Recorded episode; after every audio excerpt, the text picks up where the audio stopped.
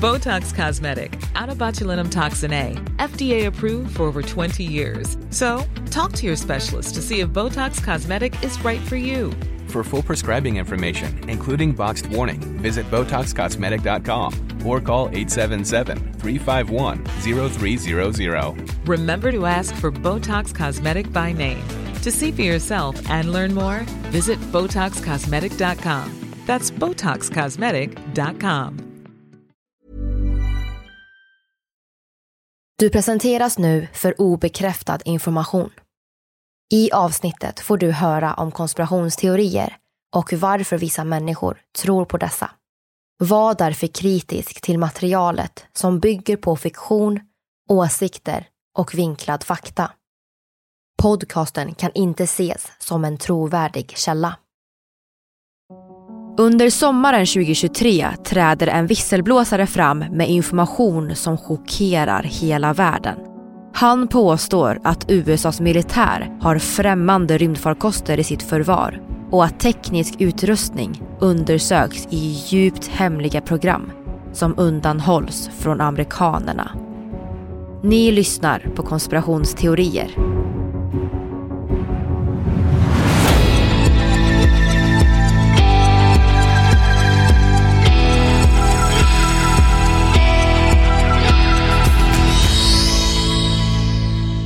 Hej allihopa, mitt namn är Vivi. Och mitt namn är Aida. Och välkomna till alla er som har hittat hit till konspirationsteorier.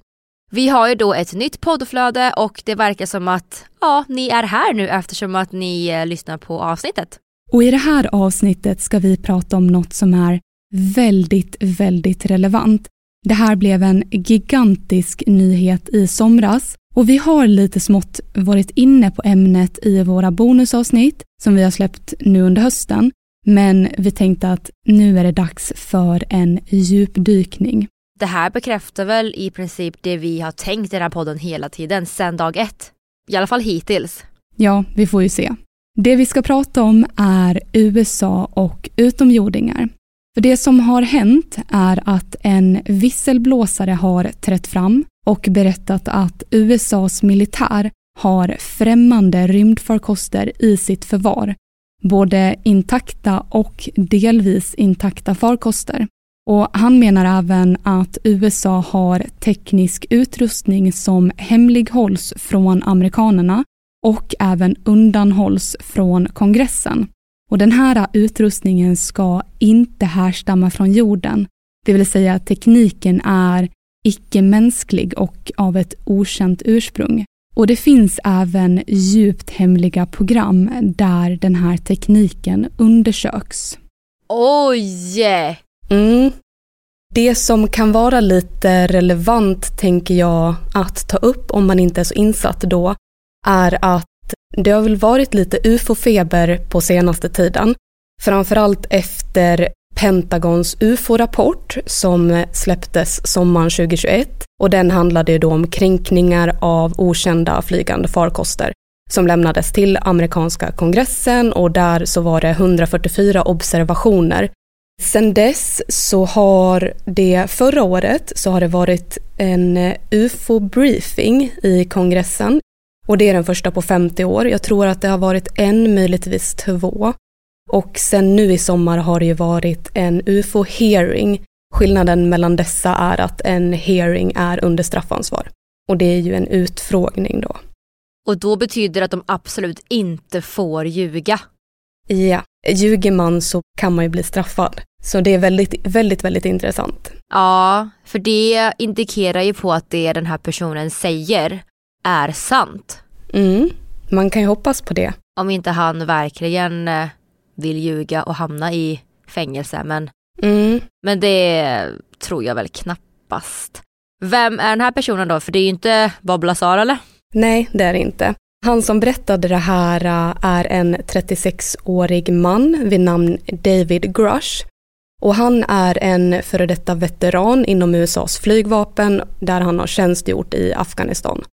Och han är även en tidigare amerikansk underrättelseofficer med bakgrund inom underrättelsetjänsterna NGA som är National Geospatial Intelligence Agency och de analyserar geografiska data från spionsatelliter.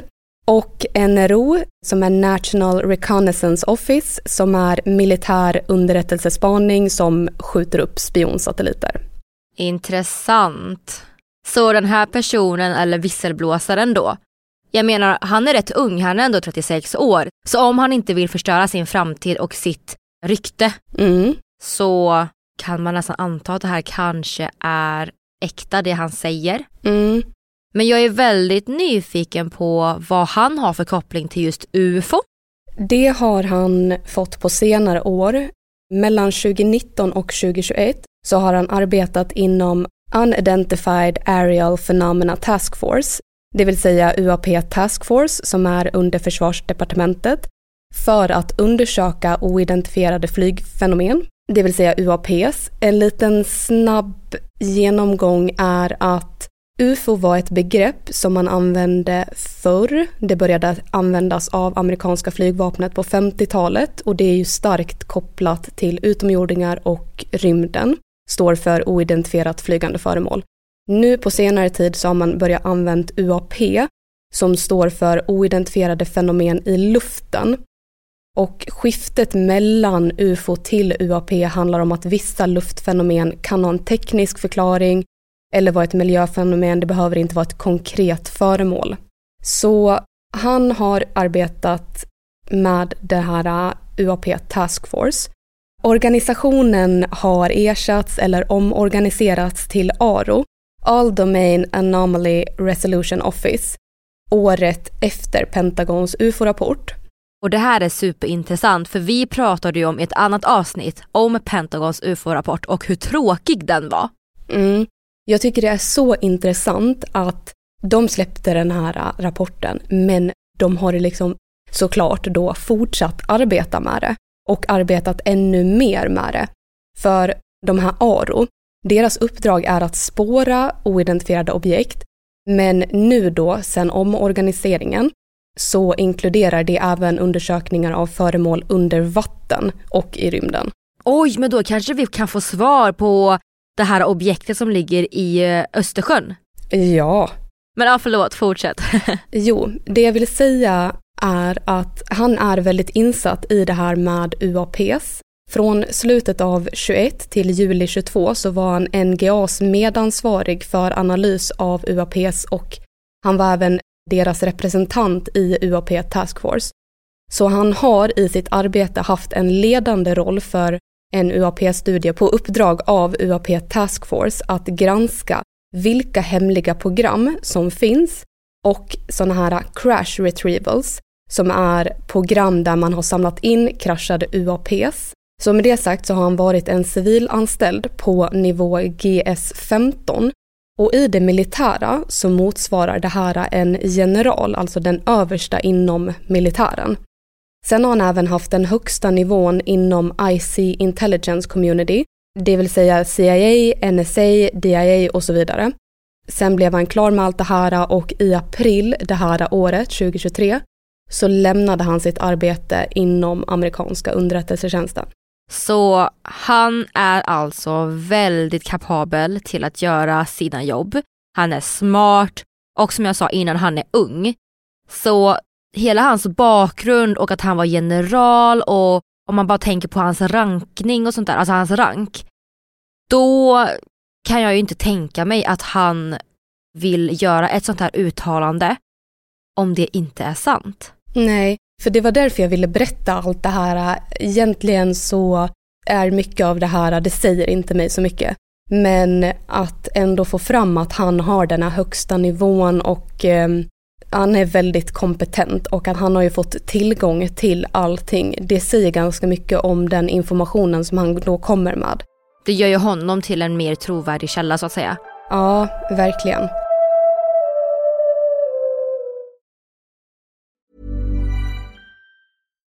Botox Cosmetic, out of botulinum toxin A, FDA approved for over 20 years. So, talk to your specialist to see if Botox Cosmetic is right for you. For full prescribing information, including boxed warning, visit BotoxCosmetic.com or call 877-351-0300. Remember to ask for Botox Cosmetic by name. To see for yourself and learn more, visit BotoxCosmetic.com. That's BotoxCosmetic.com.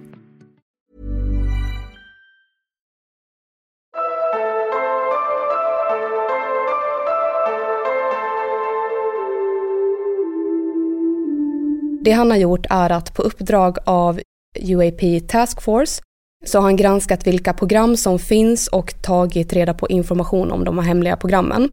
Och den informationen har han lämnat vidare till kongressen. Det var det han skulle göra.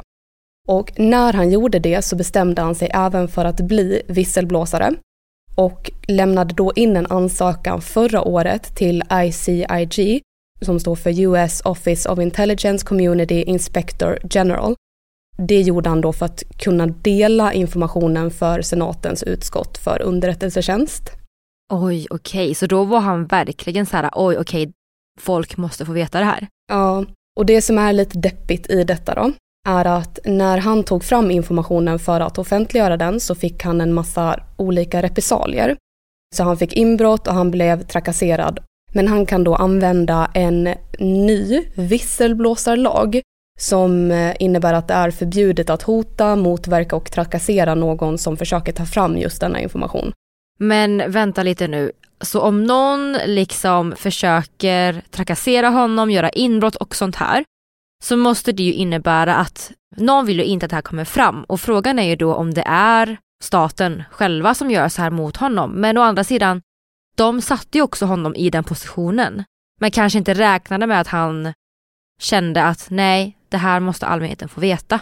Ja, jag vet inte riktigt vilka det är som har trakasserat men min uppfattning är att det är när han har varit i kontakt med de här programmen och eh, att det delvis då är deras egna anställda, alltså det är ju statliga program så att, att det är de som försöker motverka så det är ju egentligen krafter inifrån. Den här äh, lagen i alla fall, den äh, heter NDAA som står för National Defense Authorization Act för 2023. Och en sektion riktas då mot ARO för att kunna ta fram information från de hemliga programmen och vad amerikanska myndigheter har vetat sedan 45 år framåt. Och sen finns det också en annan lag, National Intelligence Authorization Act för 2023. Och det här skrev presidenten på förra året och syftet var eller är då att skydda visselblåsare som vill berätta information. Så visselblåsardelen i detta ska förbjuda alla repressalier. Men som vi vet nu så har det hänt, men det ska inte få hända. Så det är väldigt intressant tycker jag att eh, den här lagen kom förra året, började gälla nu då i år, för att kunna ta fram detta. Och det innebär ju också att fler kommer att träda fram. För nu är de skyddade. Och det kan ju innebära att vi får mycket mer information kanske i framtiden. Vi har mycket att se fram emot i så fall. Om folk vågar bli visselblåsare. Mm. Så att säga. Men eh, ja, väldigt intressant dock att det här ska komma fram just nu. Men han har informationen och allt det där. Hur valde han att gå ut med det då? För jag har ju bara hört talas om det här via TikTok men jag kan ju inte tänka mig att han direkt gick ut i TikTok och bara hallå. Nej, det här var ju hans uppdrag att ta reda på så när han hade samlat in informationen så lämnade han ju över den till kongressen och samtidigt bestämde sig för att bli visselblåsare och gick ut. Och uppgifterna som han berättade kom först ut i nättidningen The Debrief och det var den 5 juni 2023 då detta år blev såklart en gigantisk nyhet. Den finns att läsa om ni som lyssnar är intresserade och den skrevs av Leslie Keane och Ralph Blumenthal. Och de la stor fokus på att granska Crush trovärdighet och sen tog de även med hur de själva har faktagranskat hans uppgifter. Vilket är superviktigt såklart när det är någonting sånt här stort. Nej men det tycker jag också är jätteviktigt och eh, som du säger, det är en gigantisk nyhet. Det är klart att det är bra när det är flera som faktagranskar hans uppgifter. Och här får ni höra när David Grosh säger att vi inte är ensamma här och eh, det är från en intervju med News Nation. You are saying to the human race for the first time an official intelligence representative at a high level from the US government is saying publicly, we are not alone. We're definitely not alone. Absolutely, the data points empirically that we're not alone, yeah.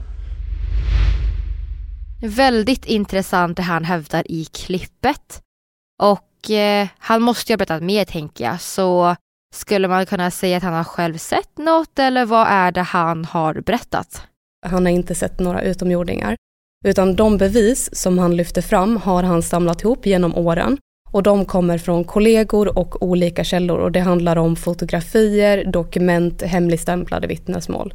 Så med det sagt så är han inte första källan. Men han påstår bortom alla tvivel att det finns kunskap och bevis som talar för icke-mänskliga farkoster och döda piloter. Döda piloter? Ja, döda icke-mänskliga piloter. Va? Ja. Oj, okej. Okay. If you believe we have crashed craft, uh, stated earlier, do we have the bodies of the pilots who piloted this craft? As I've stated publicly already in my News Nation interview, uh, biologics came with some of these recoveries. Yeah.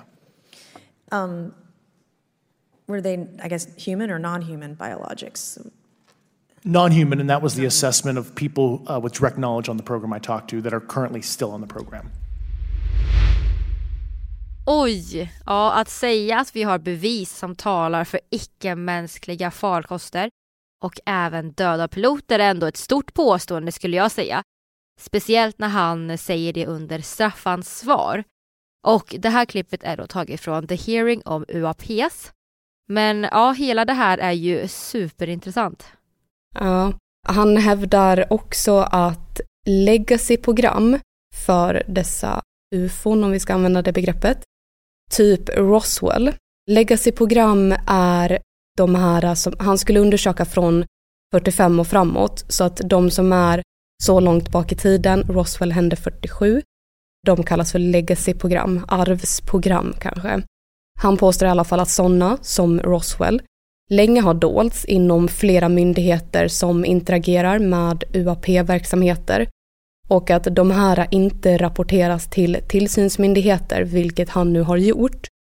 Och dessa hemliga program har i princip tävlat mot varandra i att identifiera krascher, identifiera landningar, hämta material från farkoster för att omvända tekniken, så en slags dold kapplöpning i att erhålla försvarsfördelar. Kan det vara att de inte vill att andra spioner och länder ska veta att de har utomjordisk teknik? För det skulle väl kunna vara en anledning till varför det är så hemligt? Mm, absolut. Det här är ju drömtekniken, tänker jag, för alla länder. I princip. Om det är bra då, det vet de ju inte än, uppenbarligen. Nej. Sen har han även gjort andra intervjuer efter det här. De finns bland annat att se på Youtube. Och där berättar han exempelvis att USA har minst 12 stycken rymdfarkoster, att en av dem var ungefär lika stor som en fotbollsplan. En annan liknade en klocka och den här äh, upptäcktes 1933 i norra Italien. Så det finns mycket, mycket information om dessa UAPs även ute nu som man kan hitta på, på Youtube och annat. Sen så kan man ju tänka att eh, alltså han har ju ansökt om att få berätta det han vet, men han får inte berätta allting han vet. Så jag undrar när han har sagt de här sakerna, som att en rymdfarkost var lika stor som en fotbollsplan, undrar vad det är han inte får berätta då, om han får gå ut med det. Ja, det jag tänker på är om de har hittat en rymdfarkost som är lika stor som en fotbollsplan hur många personer måste det inte ha varit på det planet då för att sköta det? Eller alternativt, hur stora är inte dessa varelser i så fall? Mm, ja. Men någonting jag tänker på också är, hur har de hittat de här utan att något vittne har sett det? Mm. För jag vet nämligen att Area 51 har varit på tapeten i detta.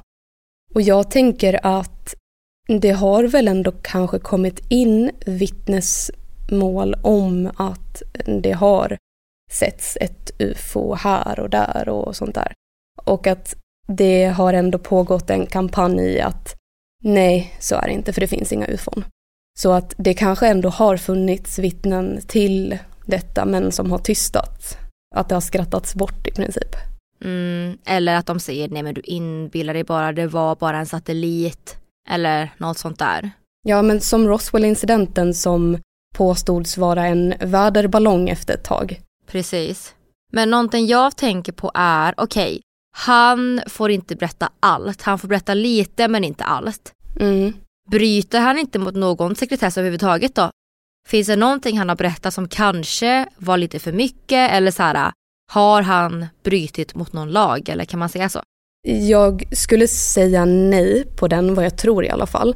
Han har ju arbetat inom de högsta nivåerna inom US intelligence. Så det innebär ju att han under ed inte får gå ut med information som kan skada deras nationella säkerhet. Och den är ju livsburen, den eden. Även om du slutar får du inte berätta någonting.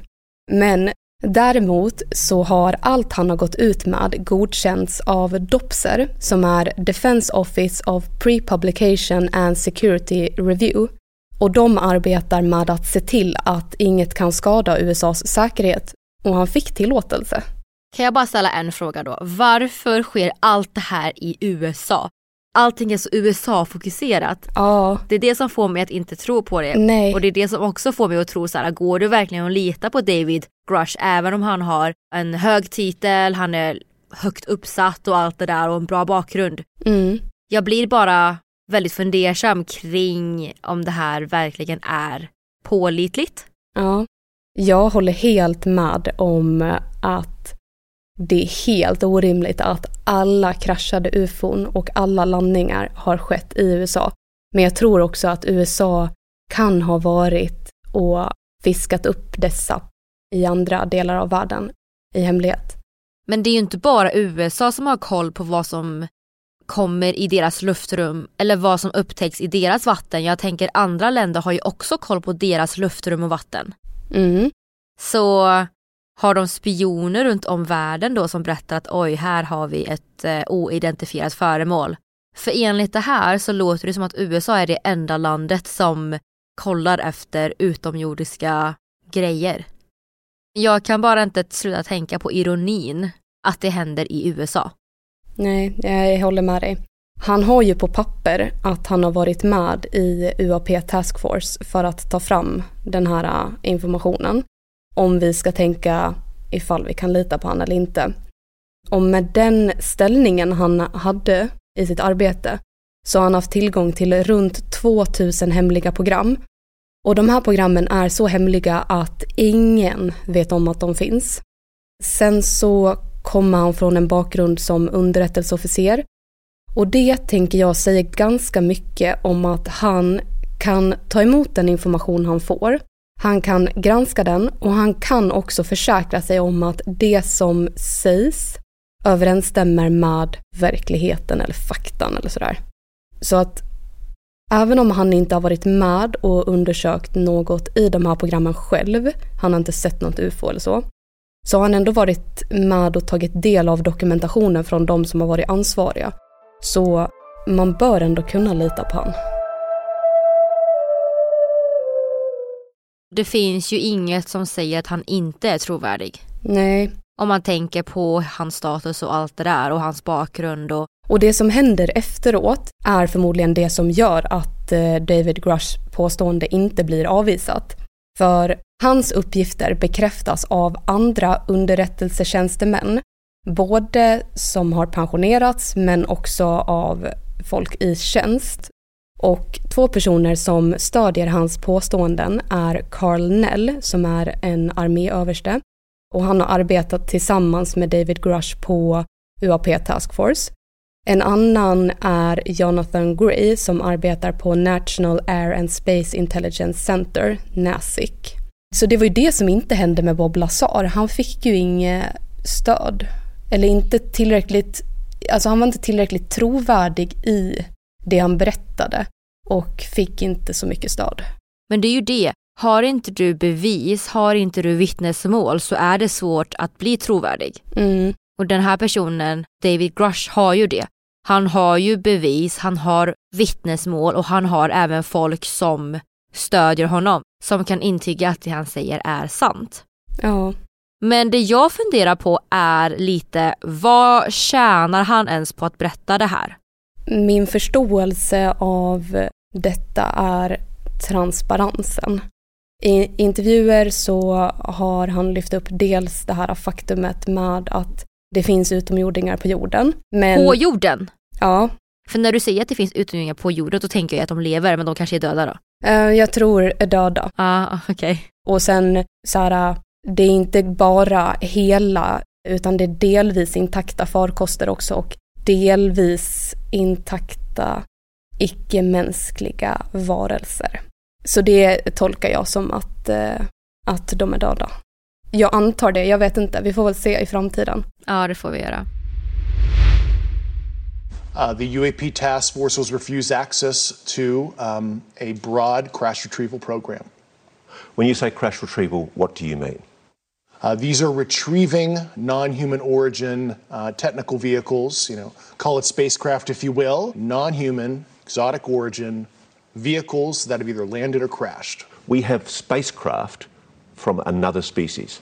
We do, yeah. How many? Quite a number. You're kidding. No. Men fokuset har väl landat i att det också i årtionden har funnits hemliga ufo-program där de här objekten granskas och studeras. Och det gör ju att det här blir intressant för den amerikanska kongressen, för då får man ju ställa sig frågan hur finansieras dessa program? Och i och med att det riktas misstankar om att pengar förflyttas så kan man nästan säga att det här handlar om ett ekobrott eller förskingring av statliga medel. Så det Grush menar är att budgetposter har missbrukats inom det amerikanska försvarsdepartementet. Pengar flyttas alltså från den federala budgeten till hemliga program, det vill säga vita pengar går till svarta projekt och de går också till fristående kontrakterande företag. Och kongressen vet inte om att de här ska existera, de vet inte om att pengar förskingras. Så det är det jag tänker med transparens. Att få upp det här till ytan med att det fifflas och även att han har ju påstått att eh, människor har fallit illa av detta. Att folk har skadats och då blir det också en fara för amerikanska medborgare eller världen då, då beror ju på hur vi ser det. Ja. Om man utgår från etik och moral så är det ju mer moraliskt att berätta för allmänheten vad som händer just på grund av det faktum att folk far illa ut. Och att det är viktigt att ta fram det. Men å andra sidan, det ökar ju misstron till regeringen återigen. Det finns ju redan en misstro där ute och det här är bara mer bevis på att den här misstron förmodligen kommer att öka. Speciellt när han berättar att det har fifflats med pengar. Nej, det är väldigt intressant faktiskt. Ja, han sa i kongressen så fick han en fråga om det finns pengar i budgeten som är menade att gå till ett program men går till ett annat.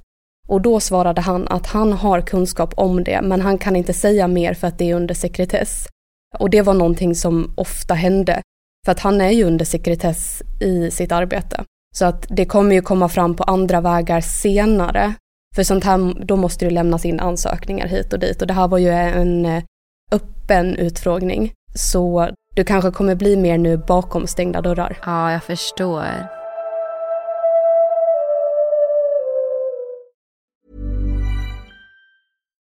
Botox Cosmetic, out of botulinum toxin A, FDA approved for over 20 years. So, talk to your specialist to see if Botox Cosmetic is right for you. For full prescribing information, including boxed warning, visit BotoxCosmetic.com or call 877-351-0300. Remember to ask for Botox Cosmetic by name. To see for yourself and learn more, visit BotoxCosmetic.com. That's BotoxCosmetic.com.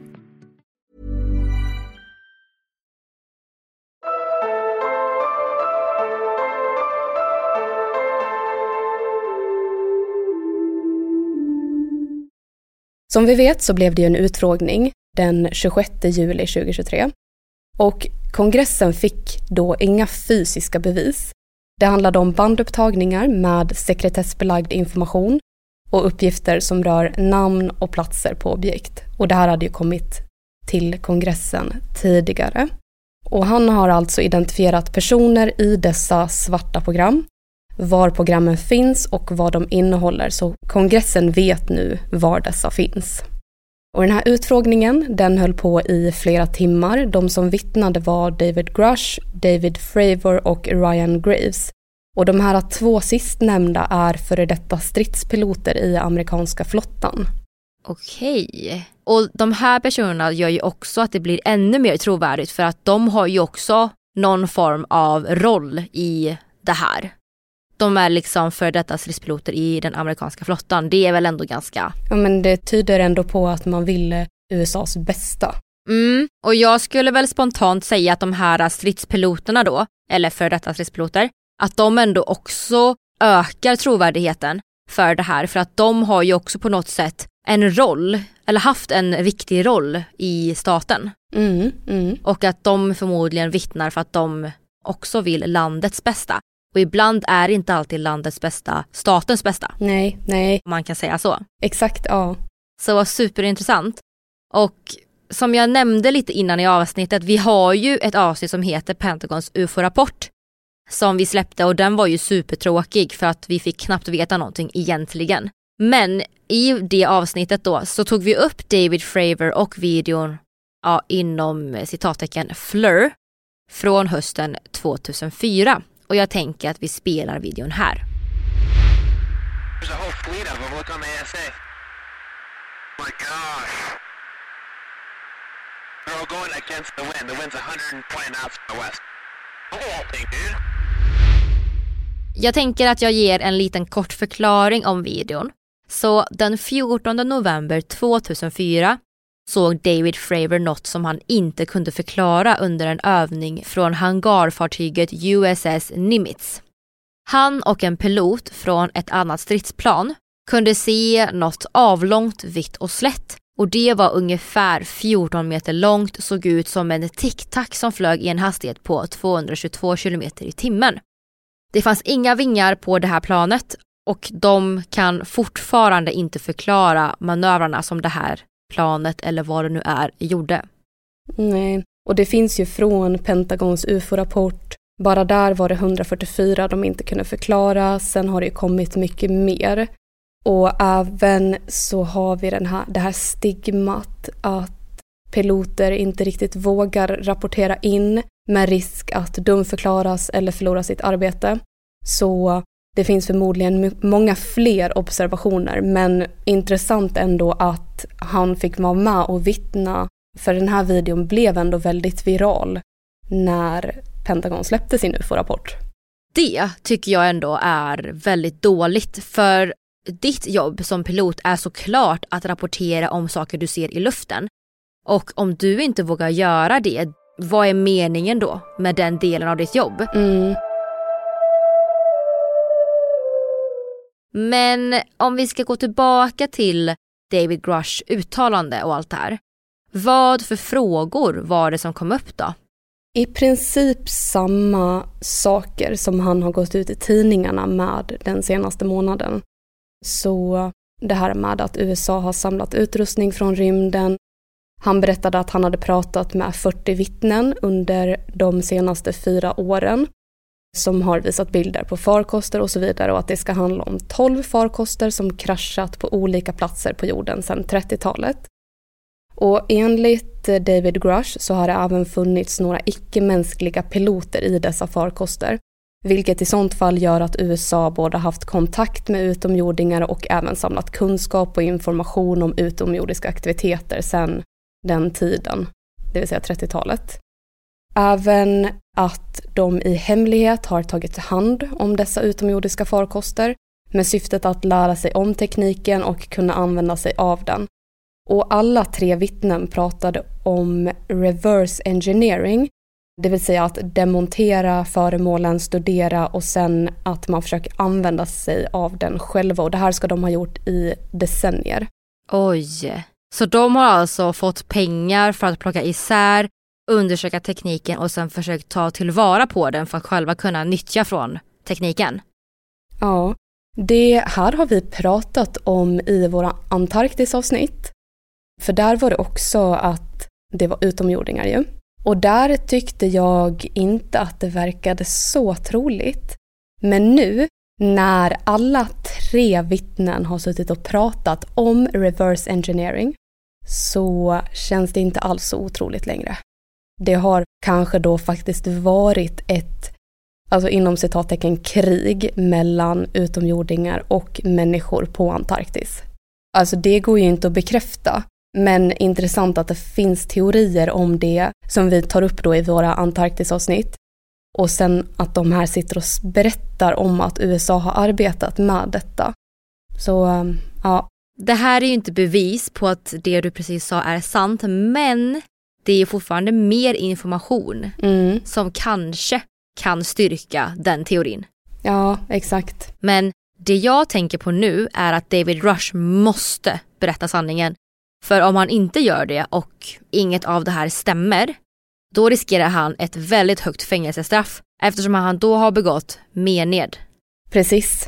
Det är ju väldigt allvarligt om han ljuger. Och jag har sett lite artiklar och diskussioner om han på nätet när jag sökt lite om detta. Där det diskuteras att eh, han hade PTSD efter att han hade varit i Afghanistan. Men samtidigt, jag tror att han gjorde sånt här svar på tal där han också tar upp att han har faktiskt fått väldigt goda kommentarer från kollegor. Han har fått rekommendation, vad säger man? De litar på han. Okay. Så att liksom om vi säger att han var sjuk och att han inte visste om vad som hände så har han ändå många som backar upp han ändå. Förstår du hur jag menar? Ja, precis. Det är ändå många som respekterar honom och verkligen litar på han och vill det bästa. För att de ställer ju också upp på det här och intygar det här. De riskerar ju också att straffas om de ljuger. Så respekten är ju hög här och tilliten också. Mm. Och jag tänker att det påvisar ju också att han inte är påverkad av PTSD. Ja, exakt. Om det hade varit någon risk i hans arbete efteråt så borde ju inte han fått arbeta kvar då, tänker jag. Speciellt i och med att hans, alltså högst rankad inom de här CIA och DIA och det att han ändå kunde ha tillgång till alla dem och han var medansvarig och ansvarig och representant och sånt för dessa grupper. Och då tror jag också att det finns många som stöttar och backar upp han i allt han säger. Men eh, kanske så har han fått någonting om bakfoten, vem vet? Den invändningen jag har uppfattat är att han återberättar. Så det är väl den kritiken då, att han har inte sett utomjordingar själv, han har inte sett några utomjordiska farkoster, han för bara fram andrahandskällor. Och sen i det så hänvisar han också till anonyma källor och han ger inga fysiska bevis för det han berättar. Det får mig att tro, på något sätt, att han har hittat ett fusk typ på hur han ska kringgå straff. För att det han säger är ju inte falskt.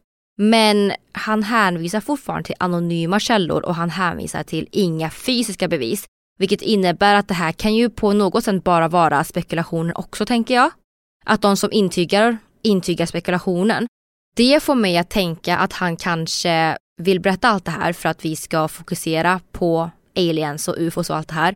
Att det på något sätt ska distrahera oss från vad som verkligen pågår. Ja, det där har jag också tänkt på. För det här skulle kunna vara en agenda för att göra regeringen mer transparent. För att underrättelsetjänsten har fått för mycket makt och nu vill de gå in och granska allting. Och sen så tänker jag också på det här äh, som hände förra året med Johnny Depp och Amber Heard. När den rättegången hölls så var det ju stor mediebevakning och alla blickar riktades mot den. Samtidigt så var det också en annan rättegång som jag tror i alla fall var kopplad till Jeffrey Epstein. Och den gick lite under radarn. För att alla var helt inne i Johnny Depp och Amber Heard. Ja, så uh, absolut, kanske finns det en ännu mer dold agenda bakom detta som folk arbetar med. Alltså förmodligen gör det väl det. Nu, jag gissar bara nu, men saker och ting är väl aldrig så lätt som att det här är sanningen. Man blir ju skeptisk alltså. Sen funderar jag också på om det ens är rimligt att det har pågått en mörkläggning i cirka 80 år. Mm. Utan att någon annan förutom Bob Lazar försökte berätta det. Ja, det finns några fler fall som liknar Bob Lazar som vi inte har tagit upp, så det finns några till. Men eh, det har ju också mötts av att man inte har trott på det, att det saknar tillförlitlighet. Så ja, det är en bra fråga om det är en rimlig mörkläggning. För det här, om han har undersökt 2000 program, då innebär ju det alltså personal till 2000 program. Och de här är så pass hemliga att ingen vet om dem. Så förmodligen så kanske mutor och sånt där är involverat också. Hur döljer man sånt så länge?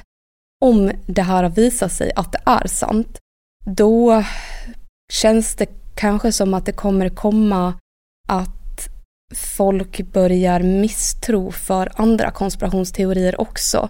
För i många av de fallen, ta till exempel månlandningen, där diskuteras det ju också om att man aldrig har varit på månen och argumentet då är ju att eh, jo, vi måste ha varit där för att annars så behöver det vara en massiv mörkläggning inom regeringen och det skulle innebära att det här behöver tystas i generationer och sånt. Men om det här är möjligt, att det här har mörklagts i 80 år, varför har inte andra saker lyckats göra det också? Så ja, det kommer nog bli en eh, strid i detta framöver. Vi får väl se. Ja.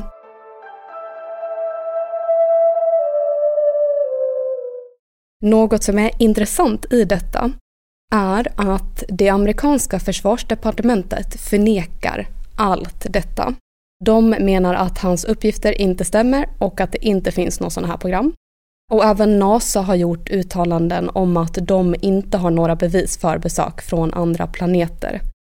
Och även Aro har sagt samma sak, inga trovärdiga bevis för utomjordingar eller annan teknik. Så det är också lite så märkligt. Ja, för försöker de gömma någonting eller talar de sanning? Det här är jätteintressant. För NASA är ju ändå, tycker jag i alla fall, men sen så bor inte jag i USA. Men jag tycker ändå att NASA verkar som en ganska trovärdig organisation. Men vad vet jag? Ja, det blir intressant att se vad som kommer hända framöver. Men det kan ju också vara att folk, precis som med det här med stridspiloterna, att man kanske inte vågar rapportera sånt här. Precis. Det verkar ju finnas ett eh, stigma i det här att eh, man blir trakasserad, hindrad från att undersöka, att man på något sätt blir nedtystad och har en rädsla. Sen har David Grush också pratat om den här desinformationen som har gått ut under alla, alla år och, och som har bidragit till att det här inte tas på allvar. Det här ses som sci-fi, det här ses som konspirationsteorier. Och det har ju varit, om det här nu stämmer, det David Grush har sagt om allt med ufon, så har ju det varit en otroligt framgångsrik propaganda att ufon inte är på riktigt. Det har varit en högst lyckad kampanj för att vilseleda, om det stämmer. Och det innebär att alla som blev hånade för att verkligen tro på ufos och tro på aliens och allt det där nu kan sitta här och bara titta. Det var ju det jag sa. Ja. Superintressant verkligen och jag tror på riktigt att det är väldigt mycket som kommer att hända framöver. Vi, har, vi kommer ha mycket att prata om helt enkelt. Mm. David Grush sa i utfrågningen att han vet att det är fler som är villiga att vittna men inte i en öppen utfrågning. Och han fick också avböja att svara på vissa frågor för att viss information är konfidentiell. Så han kan inte berätta om det i offentliga sammanhang. Så att jag tänker att mycket kommer komma fram senare. Framförallt information som kommer från de som har varit i dessa programmen och sett saker och ting. med sina egna ögon. Mm. Om det finns bevis. Ja, och än så länge så har det ju inte kommit fram fysiska bevis. Det finns inte DNA, det finns inte material. Men eh, min eh, uppfattning är att det kommer komma fram att det kommer bli mer utfrågningar i kongressutskotten och jag har även hört prat om att nya vittnen kommer att träda fram under hösten och det sägs att informationen från dessa kommer vara mer än vad vi har fått från Grush. För att nu har vi ju den här, den här nya lagen, det här nya skyddet och också den här uppmuntran framförallt från dessa tre vittnen att eh, inte bli nedtystad, att våga prata om UAP-observationer. Mm. Det ska bli jätteintressant att se vad som kommer att hända. Ja, sen alltså kom jag att tänka på en grej nu. Vi har pratat om Edward Snowden som också var en visselblåsare. Sen så i Det dolda Sverige, våra avsnitt om det, så diskuterade vi att han kanske inte var sån himla hjälte som vi har fått uppfattningen om utan han kanske tog fram den här informationen för någon annans vägnar. Tänk om det är något sånt här nu då? Det var ju det vi pratade om. Tänk om det är en agenda för att dra fokus till något annat. Eller en agenda för att få folk att verkligen misstro staten. Så att det blir en ny regering eller det kanske blir inbördes, nej inte inbördeskrig, men bara för att röra om i grytan. Oj, oj, oj. Ja, vi ska fortsätta rapportera om detta. Ja, definitivt. Och ni som har hittat hit, välkomna som sagt och ni får jättegärna prata vidare till era vänner, familjemedlemmar och allting om att vi är tillbaka. Och vi finns på alla plattformar och vi finns även på Instagram och Facebook där vi heter konspirationsteorier. Och vi har även en grupp där vi heter konspirationsteorier efter snack. Och där tycker jag definitivt att vi kan prata om just det här. För att det är så intressant och det är så aktuellt. Och som sagt, får vi mer information så kommer jag och Aida att uppdatera er om det här. Mm. Och ni får jättegärna hjälpa oss att sprida podden vidare. Vi har ju ett nytt flöde nu, så det innebär att alla våra lyssnare kanske inte hittat tillbaka. Så hjälp oss jättegärna med att skriva en kommentar, dela, ge oss ett betyg och kanske skicka till era vänner om ni vet att de lyssnar på podden. Eller om de inte gör det så kanske de bör lyssna. För all hjälp uppskattas jättemycket. Verkligen. Och vi hoppas att ni tyckte att det här avsnittet var intressant för det tyckte verkligen vi. Ja. Det kan ju vara vad som helst som händer nu framöver så vi får se. Men med detta sagt så hoppas jag att ni får en fortsatt trevlig dag, kväll, eftermiddag, vilken tid ni nu än lyssnar på det här. Och vi hörs i nästa avsnitt hörni. Det gör vi. Ha det så himla bra så hörs vi då. Hej då! Hej då!